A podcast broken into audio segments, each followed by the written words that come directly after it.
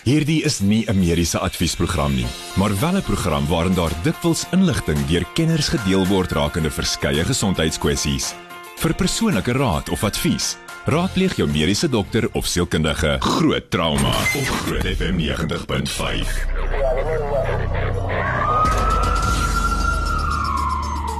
Welkom by se Groot Trauma. Ek is Pieter Kloete saam met Dr. Jaco van die Kerk, direkteur van die Trauma Eenheid by Med24 in Montana en ook sy eie praktyk.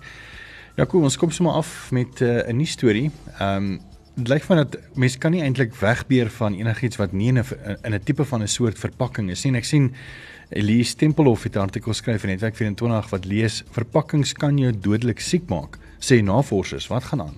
Ja, dis 'n baie interessante storie. Ehm um, die Food Packaging Forum of die FPF wat in hulle hoofkantoor in Zurich in Switserland het, het nou 'n navorsingsartikel um gepubliseer in die Journal of Hazardous Materials wat dan nou sê kos wat veral in enkel verbruik of gebruik um plastiekhouers verpak word um gekontamineer kan word deur 388 kommerwekkende verskillende chemikalieë wat dan van teratogeniese effek met ander woorde dit kan kanker veroorsaak um tot dan ehm um, vetsug, neurologiese siektes, hartsiektes ensovoorts, ehm um, enig van daai kroniese siektes kan lei. Nou ons weet in ehm um, die wêreld in Suid-Afrika spesifiek is ehm um, bisphenol A of die BPA wat almal van praat, ehm um, is klaar verban. Ehm um, dit was so 10 jaar terug plus in 'n uh, um, baba bottels ook gebruik. Ehm um, en hulle dan nou agtergekom dat dit uh, skadelik is en dat dit kan siekte veroorsaak en dit word so half uitgefaseer oor die wêreld, maar nou sê hulle dat daar 388 sulke chemikalieë is. Sure. Nou hulle het 'n toets gedoen wat hulle dan nou sê dat hulle 85 chemikalieë gevind het in kos wat in 'n enkel verpakking plastiek verpakkings verpak is en die vervaardiger sê dat die kos nie gekontamineer gaan word nie, maar dat dit dan nou steeds in hierdie 85 um uh chemikalieë wel in die kos gekry is nadat dit dan nou um blootgestel is in hierdie verpakking. So daar word tog van hierdie chemikalieë oorgedra na die kos toe waar dit in aanraking kom. Is baie baie kommerwekkend eintlik en ek dink 'n mens gaan um soos wat hulle dan nou ook sê, die voorstel wat gemaak word is net soos wat daar um uh, uh, eintlik half um vervaldatums op op voedingsstowwe en voedsel gesit word moet daar waarskynlik ook gesit word wat se chemikalieë is gebruik in die verpakking hiervan ehm um, sodat mense ingelig is oor die verskillende verpakkings. Ehm um, so ek dink daar gaan dalk 'n groot omeswaai wees in die manier van hoe kos verpak word in die toekoms. Hmm, dis dan 'n goeie ding. Want as mense dink ek ek neem aan hulle hulle hulle verwys seker na hierdie baie dun fyn plastiekie wat jy heeltyd so om 'n polistireen pakkie sit, jy weet. En ek weet dat ehm um, dat takeaway winkels se slap chips uh, gewoonlik met 'n ration in so 'n pakkie verpak word en uh, waar is die ou daar van koerantpapier? Ja, koerantpapier. Huh? maar die is dan al die al die nuus wat daarin is gaan mense seker nou maar siek word van die nuus, nee. Definitief. Hoor jy so en dan vandag is ook 'n uh, internasionale of gister was internasionale 'n uh, nierkanker bewusmakingsdag en ons het nou al die afgelope paar weke nogal redelik baie gepraat oor ehm um, nier as jy miskien ook net weer vinnig kan sê want ons nou gepraat oor ander goed oor nie dialyse en nie meer maar maar kanker in die niere Ja, ek dink dit is 'n belangrike aspek om om bewusmaking te maak vir kanker van niere. Ek dink nie is een van die algemeenste kankers daar buite nie. So ek dink nie as 'n mens nou um jy weet 'n nierinfeksie kry, dan moet jy nou dink jy het al kanker in die agtergrond of as jy 'n blaasinfeksie kry en die dokter sê vir jou daar's bloed in die urine nie. Maar as 'n mens atipiese simptome het, pyn in die sy en die rug, um bloed in die urine ensovoorts, dan dink ek is dit definitief 'n goeie um 'n goeie plan om jou dokter te gaan sien sodat hulle dan 'n urineanalise kan doen, dalk 'n sonar en dan verder uit te werk vir die oorsaak daarvan. Um ek dink regtig nie kanker is een van die algemeenste goed nie en ek dink gelukkig is dit nie een van die algemeenste oorsake van van nierprobleme nie. Maar ehm um, dis nie iets wat mense moet vergeet nie want as jy nierkanker heeltemal vergeet dan uit die aard van die saak mense slegte uitkoms. So hoe vroeër jy diagnose maak, hoe beter is die behandeling en hoe beter is die uitkoms gewoonlik. Net hierna gaan ons 'n bietjie gesels oor premier wat moes uh wat actually moes begin help het sodat die dokter nie geskort word nie nadat hy so 'n paar goed verklap het wat in die hospitaal gebeur. Daai nie storie vir jou net Tina. Groot trauma met Pieter Kloete en dokter Jaco van die Kerk op Groot FM 90.5. Ons begin sommer met ons uh, bedmusiek wat ons gewoonlik ons uh mite doen maar nie te min. Ja, goed, lyk my dokters wat dapper genoeg is om die vletjie te blaas moet nou eerder geprys word as gekruisig word en dit gaan oor Dr Tim de Meyer. Wat is die storie daar?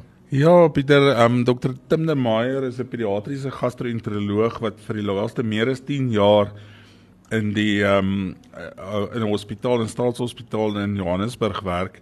'n uh, moeder en kind hospitaal, die Rahima Musa Hospitaal en hy het in 'n oop brief um aan die Daily Maverick en dan nou uit die aardmeesak in die departement gesondheid um die vletjie geblaas oor die haglike omstandighede in hospitale in Gauteng en ek dink is belangrik hulle het hier 'n uittreksel in die artikel uh van sy brief wat hy sê ek het 'n roeping 'n roeping om 'n pediater te wees en om die beste sorg wat ek kan vir ons klein pasiënte te bied en 'n roeping om te pleit vir diegene sonder 'n stem En dan gaan hy verder deur te sê ek dink julle het 'n gebrek aan optrede en minagting vir die gesondheid van kinders.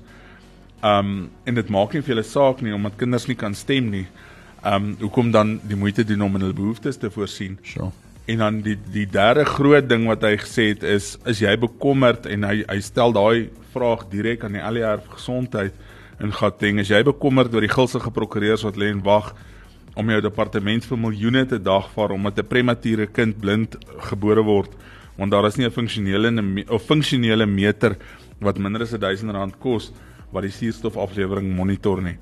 Nou dit is um in in respons op daai brief of daai oop brief wat hy dan nou geskryf het is hy dan geskort deur die um uitvoerende hoof van die hospitaal en dan hierdie Gautengse premier David Makura ingegryp en self basies die um, uitvoerende hoof geskakel en hom half gedwing om Dr. De Meyer weer terug te kry en sy skorsing terug te trek. So ek dink dit is 'n stap in die regte rigting um, van die van die departement gesondheid se kant af om nie hierdie dokters te kruisig nie. Ek dink die dokters is half moedeloos vir die omstandighede waarin waaronder hulle werk. As jy as jy kyk na na wie dit is, dis 'n pediatriese gastroenteroloog. So dis eintlik 'n super spesialis. Dis 'n hy was 'n pediater en hy het gaan gastroenterologie doen. So dis eintlik 'n baie skaars entiteit of 'n baie skaars spesialis rigting. En om so iemand te hê in 'n staatshospitaal is al klaar dink ek is is die staat bevoordeel. En om dan vir hulle die omstandighede so haaglik te maak dat hulle nie kan funksioneer op 'n spesialis vlak nie um maak hierdie mense net so so moedeloos en um ek dink dit is dit is regtig waar net tyd gewees al vir iemand om genoeg moed bymekaar te skraap om vir die departement te sê hulle moet hulle sokkies bietjie optrek.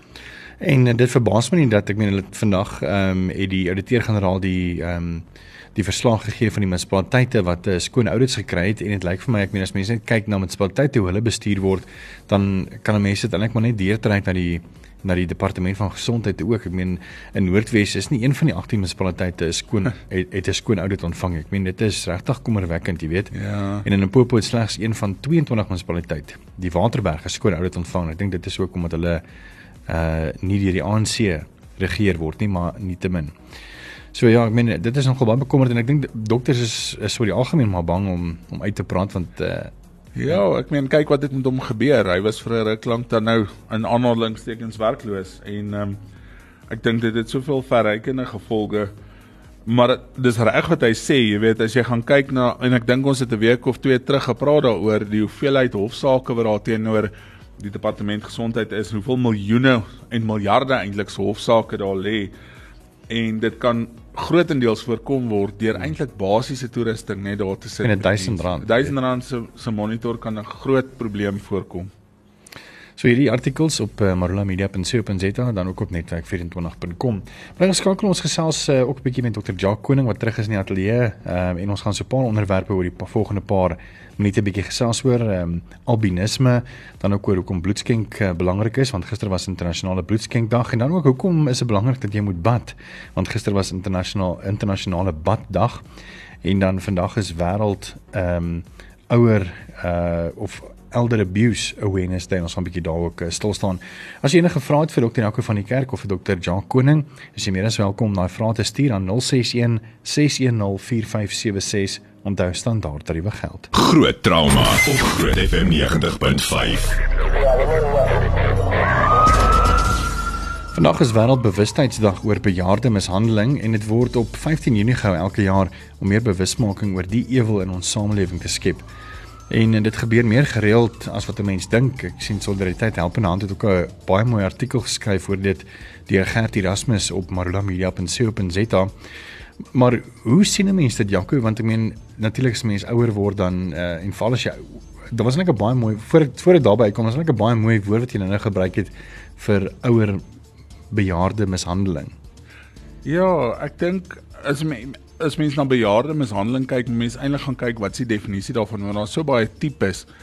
Um bejaarde mishandeling kan gesien word as 'n enkele of herhalende gedrag van 'n persoon wat gewoonlik in 'n vertrouensverhouding is met hierdie ouer persone of bejaarde persone waar hulle dan of fisies of emosioneel skade aan hierdie ouer of bejaarde persoon um uh, aanrig. Nou bejaarde persone is nou eintlik enigiemand oor 60 word as bejaard gesien as ek reg is. Bietjie ouer is dan geriatriese pasiënte. Maar is gewoonlik mense wat hulle ken is gewoonlik mense wat in 'n verhouding met hulle staan en mense moet gaan kyk na die tipe tipe van van van uh, mishandeling. As mens gaan kyk na die tipes wat daar is, obviously ons almal dink aan die fisiese mishandeling, ehm um, waar jy die die ouer persoon of die bejaarde persoon seermaak, maar dis nie die algemeenste oorsaak nie. Daar's ook psigologiese of emosionele mishandeling. Ehm um, daar is seksuele mishandeling. Daar is mense wat finansiëel hierdie bejaardes uitbuit Ehm um, en dan net dood eenvoudig verwaarlosing is ook 'n deel van mishandeling. En ek dink dokter Koning hulle sien dit baie meer in die hospitale is die ouer mense wat inkom en eintlik verwaarloos is en dis hoekom hulle siek word. Ja. Nee, definitief dit is iets wat ons in die samelewing ehm um, gereeld ongelukkig raak sien. Maar ek dink ehm um, by verre voor die fisiese mishandeling soos jy noem, is meer die uitbuitingsmishandeling, jy weet waar emosies uitgebuit word of finansiëel vir die ouer persoon uh uh beseer deur deur mense wat nou maar net selfsugtigheid toepas. En hoe hoe sien 'n mens wanneer kom ons sê as mens kyk na die, na die fisiese want ek meen as jy ouer is en jy's nou 'n bejaarde dan as jy jouself net in die kas staan dan jy 'n groot blou kol, jy weet so hoe sien julle dalk as julle pasiënte sien om te sien maar hierdie is baie meer as net 'n stamp. Ek dink ou bejaarde persone is is ehm um, weerloos baie soos wat ons by kinders aantref en ek dink dit gaan oor 'n patroonherkenning ehm um, as ook dan 'n uh, persoon wat sensitief is dat miskien is hier 'n slang in die gras by hierdie persoon die beserings maak nie sin nie. Uh ja, soos jy uh, reg noem, ja, 'n bejaarde persoon mag meer geneig wees om kneusings aan te toon. Maar 'n mens kan ook 'n patroon aansien. Is dit die hele tyd oor die voorarm waar iemand byvoorbeeld die ander persoon aan die arm gryp. Die beenfrakture, uh ouer persone ja, as osteoporoties is meer geneig, maar die frakture is dit 'n osteoporotiese fraktuur het 'n baie bekende beeld wat mense op Excel sien. En as daai beeld nie is wat jy verwag van so 'n uh, patroon nie, dan dan en, en jy sensitief genoeg, dan moet jy die alarms wakker maak. En ek dink Jacques is is baie meer intiem daarmee betrokke dat hulle optel hierdie maak nie sin nie. Dit wat vir ons vertel word is nie wat ons sien nie. Ongelukkig baie bejaarde persone ly aan demensie siektes, vergeetachtigheid siektes, so kan ook nie altyd 'n korrekte geskiedenis vir jou gee nie. Ehm um, en dan moet jy ook maar sensitief wees vir die persoon wat dit ehm um, die die uh individu ingebring het. Wat hulle vertel en wat jy uit dit uitkry, pas die twee by mekaar en maak dit sin vir jou. En hoe hanteer julle dit Jaco? Ek meen julle is dokters, julle is veronderstel om te kyk na die welstand en dan weet word julle natuurlik ook dan belaai met ander issues wat julle moet dan uitsorteer dink is 'n baie moeilike ding um om te te, te, te identifiseer in 'n ongevalle situasie. Um en om mense dan half basies te konfronteer daaroor is baie baie moeilik. Um mense kan sê byvoorbeeld ek het die geval gehad van iemand wat 'n bejaarde persoon inbring met 'n skedelfraktuur en 'n groot laserasie met eintlik 'n degloving van die kop, daai hele daai hele kopvel is los van die skedel af en die geskiedenis wat daar vir my gegee word is die pasiënt het haar kop gestamp teen die bedkassie. Nou, jy weet, daar dit dit maak net nie sin nie. Ehm um, die besering moet daarom sin maak en dan kan jy daai mense konfronteer en sê kyk jy's nou besig om vir my 'n storie te vertel. Gewoonlik eindig dit in 'n in 'n groot bekleierery en 'n oor en weer geskreeuery. Ehm um, want jy beskuldig nou mense. Ehm um, maar jy kan ook daaruit sien oor hoe hierdie mense optree of jy die spyker op die kop slaan al dan nie baie keer. Ehm um, as dit wel die geval is, dan sal hulle rustig gewoonlik bly en vir die storie weer vertel. Maar ehm um, ek dink as jy iets het om weg te steek, dan gaan jy half aggressief voorkom. So ja, mense sien dit gereeld. Ehm um, ek dink 'n groot ding wat ons baie keer sien, ek praat van die dumping sindroom. Ehm um, hier oor vakansietye en baie keer hier by by einde van die jaar Desember waar mense op vakansie wil gaan, dan bring hulle die bejaarde persone in ongevalle toe en sê ouma of oupa lyk net nie lekker nie. Jy weet, wil jy hulle net 'n bietjie opneem vir 'n dag of 3 nie. Um en dalk selfs vir 'n week of 2 nie en net bietjie uitsorteer. Jy weet, daar's niks spesifiek wat hulle mee kom nie. Oupa is net nie lekker nie of oupa is moeg. Um en hulle wil net ontslaa raak eintlik van oupa sure. en ouma omdat hulle op vakansie wil gaan en hulle nie wil saamvat nie. Daai goed sien ons gereeld. Um En jy sien sommer ook as jy nie rede kry om iemand op te neem nie en jy sê ek gaan nie hierdie persoon opneem nie, daar's geen indikasie vir hospitalisasie nie. Hoe hierdie mense half aggressief begin voorkom. En ek dink dan kan mens mense half ehm um, konfronteer en en, en praat daaroor. Maar dis eintlik 'n baie baie moeilike ding en ek dink dit is 'n baie ondergediagnoseerde toestand of of of of entiteit en ek dink ehm um, of ondergerapporteer selfs onder die mense wat wat selfs uh, ly onder hierdie verwaarlosing en en mishandeling. Ehm um, ek dink die ouer mense is ook half skaam die wat nog nie dement is nie om om basies vir mense te sê ek word mishandel. Ek dink hmm. dit wil gedoen word nie. Ja, ek dink ook 'n probleem is rapportering. Hmm.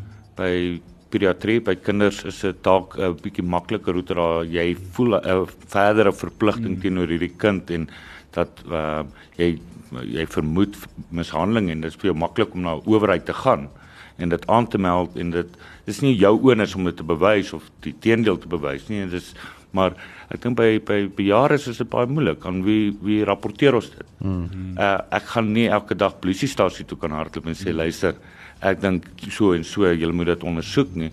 En ehm um, die ons maatskaplike werkers en sosiale werkers eintlik dan essensieel dat mense 'n makliker toegangsroete tot hulle het en hulle dit net vir mense kan bekyk, gaan kyk na die scenario by die huis. Ek gaan nie saam met al my pasiënte huis toe nie. Mm. Ek weet nie onder watter omstandighede hulle woon en so nie. Mense het jou beste wens en mense hoor maar uh, familiale dinamiek of oppas dinamiek en dis meer wat wat um, versorgingsdinamiek wat daar buite is, maar ek kan nie ek kan ongelukkig nie na almal toe gaan om dit te bevestig nie. En ek dink wat dis een ding wat Suid-Afrika wel kort is, ons het 'n baie sterker maatskaplike en sosiale struktuur nodig om dit mense net na te vors en te te, te bevestig. Is dit net vir Jaco se mediese mite minuut? Ons praat oor oor bejaarde verwaarlosing en en mishandeling en ek dink die groot persepsie daar buite of mispersepsie daar buite is dat dit gewoonlik fisies is die mees algemeenste oorsaak van um, um, bejaarde mishandeling is eintlik emosionele um mishandeling en dan verwaarlosing en dis waar die meeste mense by die hospitaal opdaag is met verwaarlosing. Groot trauma met Pieter Kloete en dokter Jaco van die Kerk op Groot FM 90.5. Dit is uh, Kimo Sabi met someone else. Gister of uh, althans die 13de wat maandag was was internasionale albinisme dag en uh, Jaco jy en en uh, Jacques is die, die expert hier so so gaan oorlaat aan jou. Ek is gelukkig nie die expert nie. Ek is so bly dat verkoning is hier. Um ek dink as 'n mens dink aan albinisme dan dan moet 'n mens gaan sê wat is dit gedefinieer as en dis 'n baie ons het nou gepraat van die liggaamwolk, dis 'n baie moeilike definisie, maar vir die meeste mense beteken albinisme dat daar 'n kongenitale of 'n aangebore, dis 'n genetiese toestand, um verlies is of afwesigheid is van melanienpigment in jare. Daar's abnormaliteite van die oogpigment en dan die vel. Ehm um, maar waar kom dit vandaan en en en hoe word dit gedefinieer deur die slim ouens? Ja, daar is nie 'n uh, universele definisie vir albinisme nie. Dit be uh, soos jy reg noem, dit is 'n melanien gebrek. Melanien is baie komplekse proteïen wat in 'n baie komplekse wyse ge vervaardig word deur die liggaam of deur plante of ander diere en dis meer. En enige van hierdie prosesse waar melanien vervaardig word kan versteurd raak. Nou ja, natuurlik kongenitaal is aangebore genetiese afwyking, maar dit kan metabolies wees, mm. dit kan brandwonde wees, dit mm. kan ehm um, ehm um, daar's orde redes. Ook ehm um, hierdie kan beperk wees tot 'n spesifieke orgaan. Ons dink nou altyd aan die persoon wie se oë hierdie rooi verskynsel het omdat hierdie bloedvate eintlik ehm uh, kan sien omdat daar nie melanienpigment in die oë is nie. Ons dink aan hierdie spierwit persoon wat uh toege toegepak is om hulle te beskerm teen ultraviolet beskerm. Maar dit kan natuurlik net in die spinaalkoord plaasvind. Dit kan uh baie maal net uh, breinweefsel plaasvind in dis meer. En uh, vir daai rede is dit nie is nie is nie 'n universele uniforme siekte nie. Ons sien dit in die diereryk, ons sien dit in slakke, ons sien dit in plante.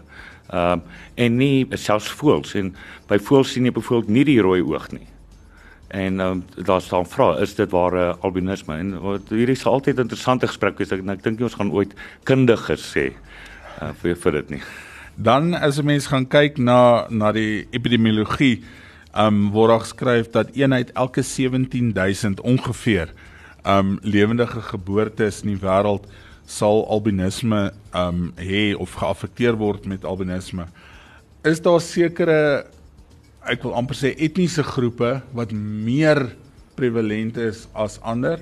Want ons ons almal dink waarskynlik aan die Afrika aan die Afrika kultuur en die en die etniese groepe maar ons almal kan eintlik albinisme hê. Ja, ek is nie eintlik bewus dat dit ehm um, regtig net etnies beperk is of spesifiek etnies beperk is nie. Nee. En dan simptome en tekens ons almal weet nou van die wit hare en die in die in die in die vel maar oog geassosieer baie keer daar's baie probleme met die oë. Ja, ongelukkig ehm uh, melanienproduksie is is 'n verskynsel gewees van die liggaam om uh stand te doen teenoor ultraviolet bestraling vanaf die son en dan natuurlik ook te help met Vitamiin D vervaardiging en dis meer.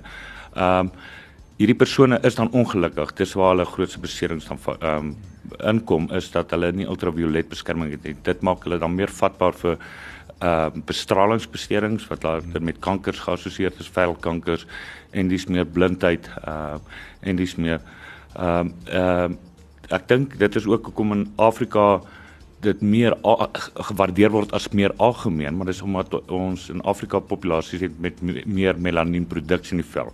Juist om beskerming teen die son voorheen um, te gelewer het.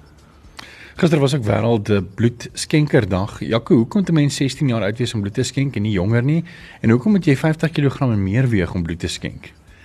Ek dink die 50 kg is is is 'n ding wat die Suid-Afrikaanse bloedoortappingsdiens daar het. Um omdat bloedproduksie is ek reg is, um gemeet word in hoeveel milliliter per kilogram gemiddeld daar in 'n volwassene is en dit maak dat die fisiologie nie moet versteur word nie. Dit help nie jy gee bloed vir iemand maar jy kry dan nou 'n bloedarmoede of anemie as gevolg daarvan nie. En ek dink dit gaan oor die die die milliliter per kilogram um, bloed wat jy het. Ehm um, ek dink die 16 en ouer is eintlik maar vir toestemming want dit is eintlik 'n orgaan. Uh, bloed is 'n orgaan en is as jy bloed skenk is dit eintlik maar 'n orgaanskenking. Kan mens amper sê dit dit, dit val onder daai selfe kategorie. Ehm um, want almal dink aan bloed as jy's nou 'n ongeluk en jy bloei en ons gee vir jou bloed.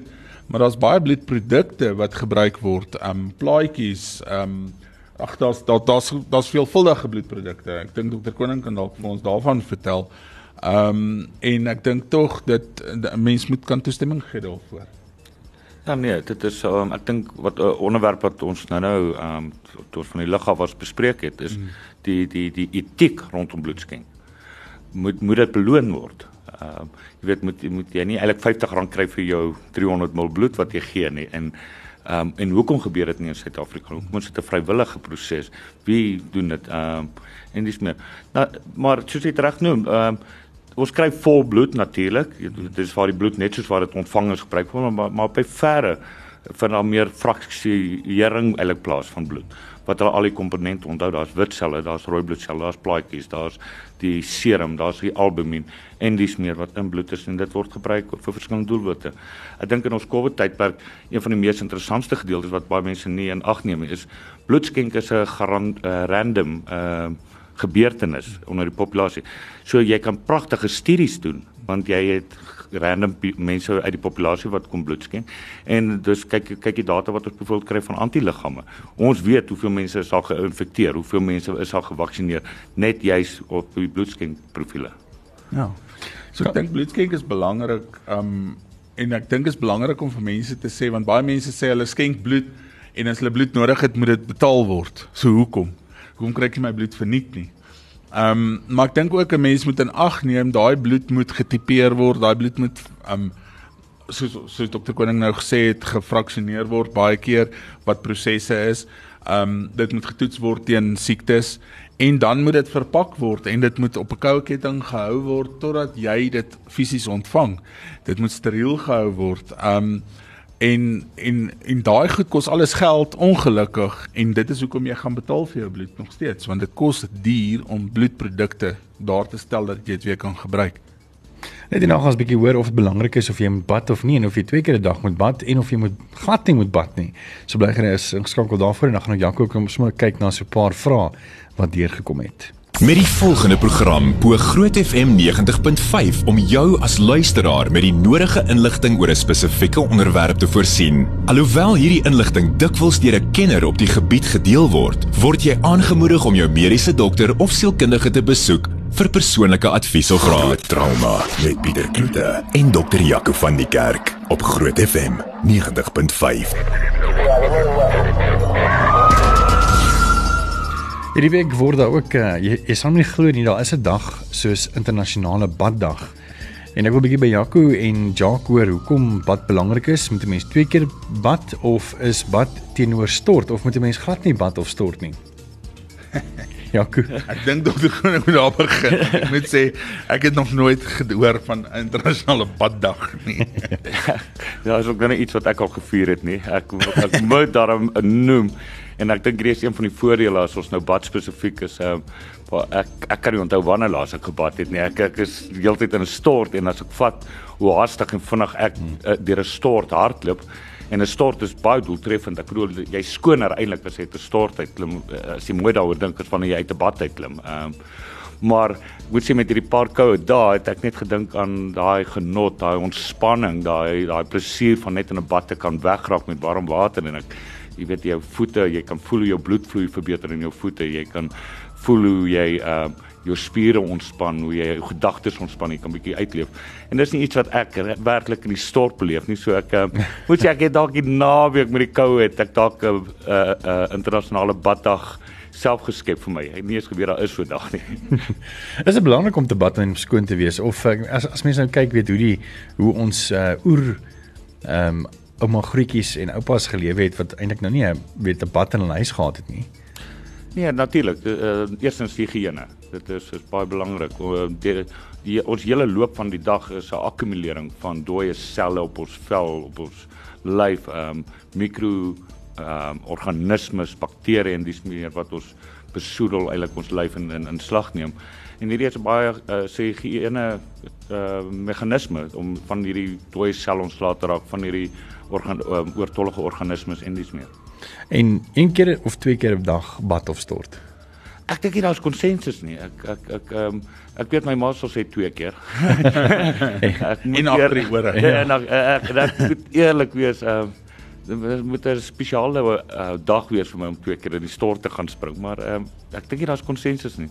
Net uh, ek dink dit is nou amper 'n Anelma tipe van stelling en dis random, maar die legende ehm um, oor internasionale baddag is oor die Griekse ehm um, wiskundige Archimedes wat dan nou gesê of gesien het as hy homself in 'n in 'n bad submerge of on, onderdompel dan verplaas dit die water met die volume wat hy is en hy het so opgewonde deur die strate gehardloop. Nou hulle sê in in Griekeland Um hulle sê sy sy spesifieke geboortedatum van Archimedes is nie bekend nie, maar dit is so omtrent 287 voor Christus. Maar hulle sê dis in honor to honor Archimedes. Um hulle of, of sal mense dan nou hierdie dag um van die bad um commemorate of of of of um, elke dag herdenk of elke jaar herdenk. So dis eintlik gaan oor die legende van Archimedes wat wat dan nou um volume in die vorm van 'n bad gekry het. nee, natuurlik. Ehm um, ons gaan 'n bietjie by so 'n paar vrae ehm um, stil staan. Jaco, daar was twee vrae wat deurgekom het so 'n paar weke gelede wat ons nou nog nie by stil gestaan het nie. As jy sommer by elkeen kan stil staan en die vraag vir jou lees en en vir ons. Ja. Die eerste vraag is ehm um, ek wil graag weet wat kan elke dag se kopseer veroorsaak? En as 'n persoon 6 kopseerpille drink per dag wat veral grandpas insluit, hoe sleg is dit vir daardie persoon? nou, ek dink in en ek dink Dr Koning kan nou saam saam praat hier. Um die een ding is hoe meer pynpille jy gebruik op 'n gereelde basis, kan jy baie keer die hoofpyn in stand hou en jy kan eintlik hoofpyn veroorsaak want jy onttrek ook op 'n stadium. Maar die feit dat die die woord grandpa daar staan en dit is nou handelsnaam en ek weet nie ons moet nie handelsnaam benoem nie, maar ons spot altyd en sê um die chirurge moet dalk vir die maatskappy wat daardie betrokke pynpil maak 'n kersgeskenkie stuur want um, as jy genoeg van daai betrokke middel drink, sal jy by hulle uitkom met of 'n maagseer of 'n geperforeerde maagseer of jy gaan net bloedbraak en ongevalle. So dit is baie sleg vir jou om 'n oordosis van daardie middel te gebruik. Ja, ja natuurlik mens um, en dit is eintlik vir enige pynmiddel ja. om te noem dat ehm um, oormaat en vir 'n te lang periode veral gastriese neeweffekte maar dan nie neeweffekte. Hmm. Ehm um, lewer neeweffekte en dis meer. Ehm um, ek dink as iemand soos die die persoon dit benodig dat hulle so oor 'n lang tydperk 6 uh, middels per dag vir hoofpyn, dis 'n tyd om by 'n dokter uit te kom. Mm. Maar daar is ander redes ook vir hoofpyn. Ja, definitief. Mens moet gaan soek hoekom. Ja. Dan die ander vraag is ek is 'n SLE leier of sistemiese lupus leier. Ehm um, wat dan met metotrexaat behandel word, um, wat sy hy of sy 'n jaar gelede gelos het. Is dit 'n probleem? En ehm um, dit was as gevolg van die feit dat dit my maag en sluk brand. Is is baie moeilik om te antwoord. Metotrexaat vorm deel van 'n uh, groep middels wat ons noem immunomodulerende terapie. Um, niemand is definitief seker presies hoekom werk metotrexaat nie, maar ons weet as ons bietjie deur regulering van die immuunstelsel soek, dan is dit 'n goeie middel om na te gryp en vir dan word dit um, soms by lupus ook gebruik. Uh die spesifieke gebruik by lupus uh baie keer beperk is baie keer as daar meer velaantasting is wat dit gebruik sal word of as daar meer longaantasting is sal nie sommer vir ander organe as eerste keusemiddel is nie. Is dit 'n probleem om te stak? Ek dink dit is 'n probleem om ongemerk jou lupus net te los. Mm -hmm. en ek dink is belangrik dat ja jy kan met enige van hierdie immunomodulerende terapie probleme kry en baie mense word gestak en geruil na 'n ander middel toe. Ek dink die persoon moet weer haar lupus laat reëvalueer hmm. en gaan kyk of dit 'n spesifieke immunomodulerende terapie benodig. Ja, ek dink mense moet in ag neem lupus is 'n multi-orgaan siekte of 'n multisisteem siekte. Ek dink ons minstelsstelsel, ek dink ons geen stelsel hmm. wat nie aangetast kan word nie. Ehm um, maar daar sekerre stelsels wat wat slegter is as ander en mense moet dit gaan herëvalueer, veral niere ensovoorts um, om te kyk het mense nie aantasting het van 'n vitale orgaan ja. en orgaanstelsel nie. Dis dit vir groot trauma. Baie dankie Dr. Janko van die Kerk, direkteur van trauma eenheid by Net24 in Montana, ook sy eie praktyk en Dr. Jacques Koning, internis ook by uh, Montana en uh, ook uh, internis daar in Kenhardt en wynkenner. dankie dat jy ingekom het vanaand en konneseer. uh, ons is vir volgende week weer saam met jou met groot trauma. Groot trauma met Pieter Kloete en dokter Jaco van die Kerk op Groot FM 90.5.